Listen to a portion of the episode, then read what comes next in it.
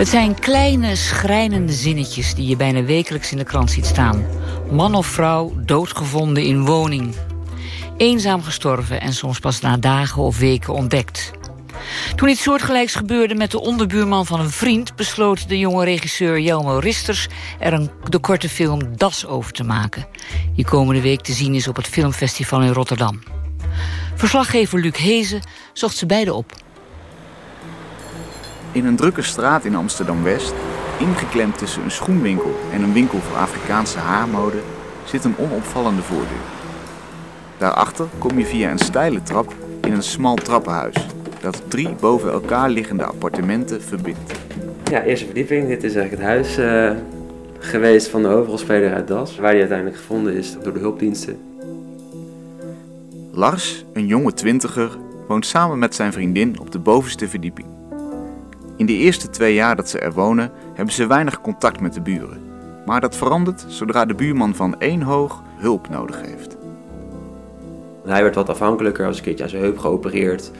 Uh, een keertje aan zijn oog, dus hij had wat minder zicht. Hij kon wat minder goed lopen dan in die eerste twee jaar dat ik hier zeg maar woonde. Dus het contact veranderde een beetje van gewoon gedag zeggen op de trap naar... joh, uh, zou je een keertje de meterstanden voor me op kunnen nemen? Of zou je deze envelop een keer op de bus kunnen gooien? Twee jaar geleden, begin november, valt Lars iets op als hij langs de deur op de eerste verdieping loopt. Ik denk dat het een heel druk weekend was, maar dat ik op een gegeven moment op zondag dacht van... hé, hey, uh, de post van vrijdag ligt er nog. Uh, en het, ja, het, begon gewoon raar te ruiken op de gang. Dus we hadden zoiets van, hè, dat, uh, ja, het, klopt, het klopt niet volgens ons, maar de stap om dan een deur open te breken of meteen de politie te bellen, dat, dat was heel raar. En het rook ook zo eigenlijk, dat je denkt achteraf denkt van, oké, ja, je wil, het, je wil het eigenlijk niet, niet geloven dat dat zo is of zo. En misschien dat je daar een beetje, een beetje gaan, gaan ontkennen. De stap om dan te denken van, nou ja, er ligt hier iemand dood te gaan, dat is ja, het zit wel ergens ver in je hoofd, maar je gaat er niet echt vanuit dat dan, dat dan het scenario is. Er gaat nog een nacht overheen. Maar als de post er maandagochtend nog ligt en de geur sterker is geworden, belt Lars vanaf zijn werk de politie.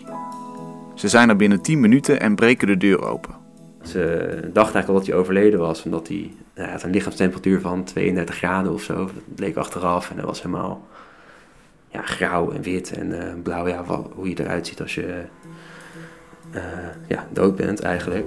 Maar hij was dus eigenlijk nog zwaar onderkoeld. Dus hij heeft uh, achteraf weten we van oh shit, hij heeft gewoon een, een hersenbloeding of een ja, beroerte gehad. Is gevallen en hij heeft een beroerte gehad aan de kant dat hij geen spraak had. Dus hij kon ook niet om hulp roepen. Vier dagen lang heeft de onderbuurman hulpeloos op de grond gelegen. Uiteraard vertelt Lars dit verhaal aan zijn goede vriend en regisseur Jelmer Vristers. Ze gaan samen naar het ziekenhuis en het wordt een bezoek dat Jelmer diep raakt. Dat is een, is een soort van extreme uh, hulpeloosheid en uh, een blik in de ogen van die man waarbij die ongecontroleerd door de kamer keek en geen idee meer had wie die was, in wat voor lichaam die zat. En hij had uh, zware uh, zwarte doorlegplekken op zijn gezicht, op zijn uh, elleboog, op zijn knieën. Omdat hij dus vier dagen op de, op de grond had gelegen. En da daar ging hij overheen alsof hij niet wist wat, dat hij ze had, alsof hij het niet voelde. En wij stonden daar maar een beetje naar te kijken. Hallo, we zijn hier en we hebben een kaartje voor je geschreven. groetjes Lars en Jelmer stond erop, beterschap. Maar ja, wat, die man, daar was bijna geen contact meer mee te maken. Na een tijdje wordt de buurman van het ziekenhuis naar een verpleegtehuis verplaatst. Daarmee leek voor ons eigenlijk alsof het verhaal afgelopen was. Want hij was 69 jaar um, en hij zou daar blijven, want hij was verlamd geraakt. Maar na een maand of twee uh, kreeg ik van Lars te horen dat uh, hij euthanasie had aangevraagd en dat dat binnen een week voltrokken zou worden. En toen dacht ik van dit, dit, is, een, dit is het verhaal. Volgens het ministerie van Volksgezondheid voelt 40% van alle volwassen Nederlanders zich eenzaam. En zelfs meer dan een miljoen voelt zich sterk eenzaam. Hoewel het gebrek aan sociale relaties toeneemt naarmate je ouder wordt, ervaren ook jonge mensen en mensen van middelbare leeftijd eenzaamheid. Dat besef was voor Jelmer het setje om de film te maken, ondanks zijn twijfel of het wel ethisch was om deze gebeurtenissen te verfilmen. Die afstand, die is me heel erg bijgebleven. Omdat het eigenlijk ook direct zei van ik, ik kan eigenlijk niks meer met die man op persoonlijk vlak. Ik kan eigenlijk alleen nog maar zijn verhaal pakken. Ik heb daar ook wel mee geworsteld. Maar ik denk dat het uh, je moet wel, want anders dan gebeurt er niks. Anders dan wordt er niks met het verhaal gedaan. En was het verhaal met hem gestorven. En nu is er toch iets uitgekomen. En dat is het eigenlijk voornamelijk. Ik wil er iets mee doen en ik wil het, ik wil het tonen. Maar hoe maak je van zo'n tragisch, waar gebeurd verhaal fictie? Voor Jelmer was het duidelijk dat het perspectief van Lars leidend moest zijn.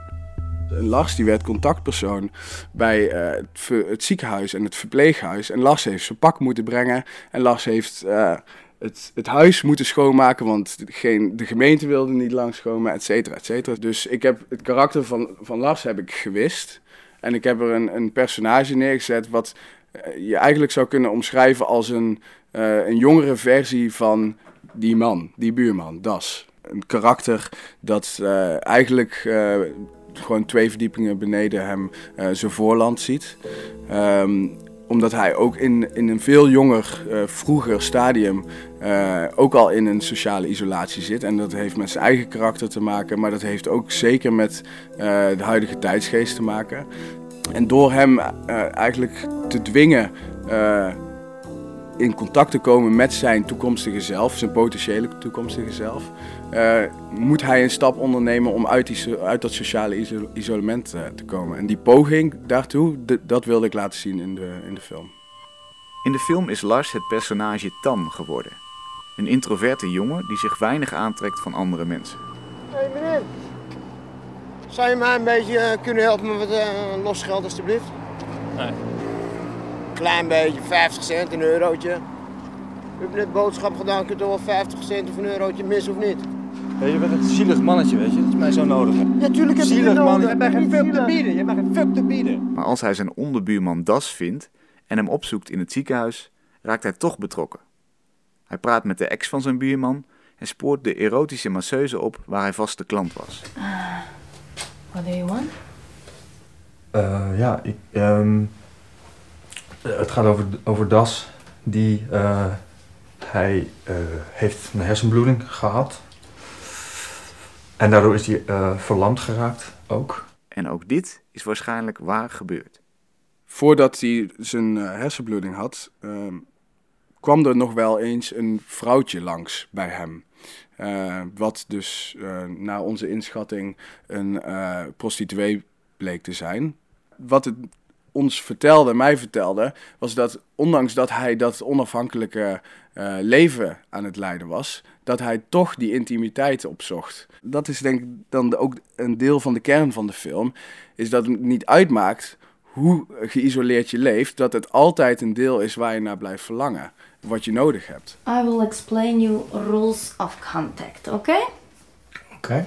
Okay, you can touch me on different places on my breast, on my belly, on my butt, and on my back. You can massage back if you like. I like that too. Please do. It is not allowed to touch my face or between the legs. Die ambivalentie die ik ook in, in de massagesalon heb uh, gezien, want in de film is zij een uh, erotische masseuse geworden. En uh, die delen heb ik gefilmd met echte erotische masseuses en die heb ik dus ook gesproken.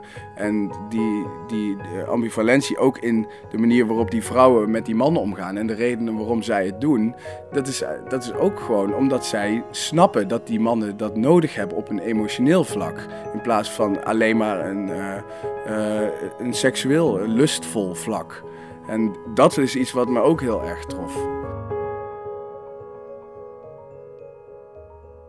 Ondertussen wordt eenzaamheid steeds meer erkend als maatschappelijk probleem.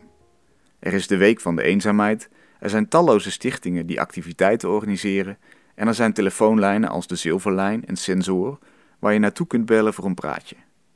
Maar Jelmer heeft zijn twijfels bij hoe effectief zo'n telefoontje zou kunnen zijn de betekenis van het leven hier uh, is volgens mij het contact wat je hebt met mensen. Dat geeft betekenis aan je leven en dat geeft vervulling en voldoening.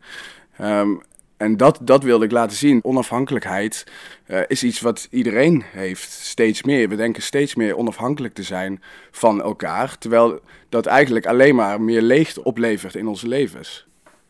Dat zie ik in ieder geval om me heen. Dat dat, dat dat steeds meer aan het verdwijnen is. Fysiek contact. En we zijn mensen van vlees en bloed die elkaar moeten aanraken en vastpakken en, en voelen.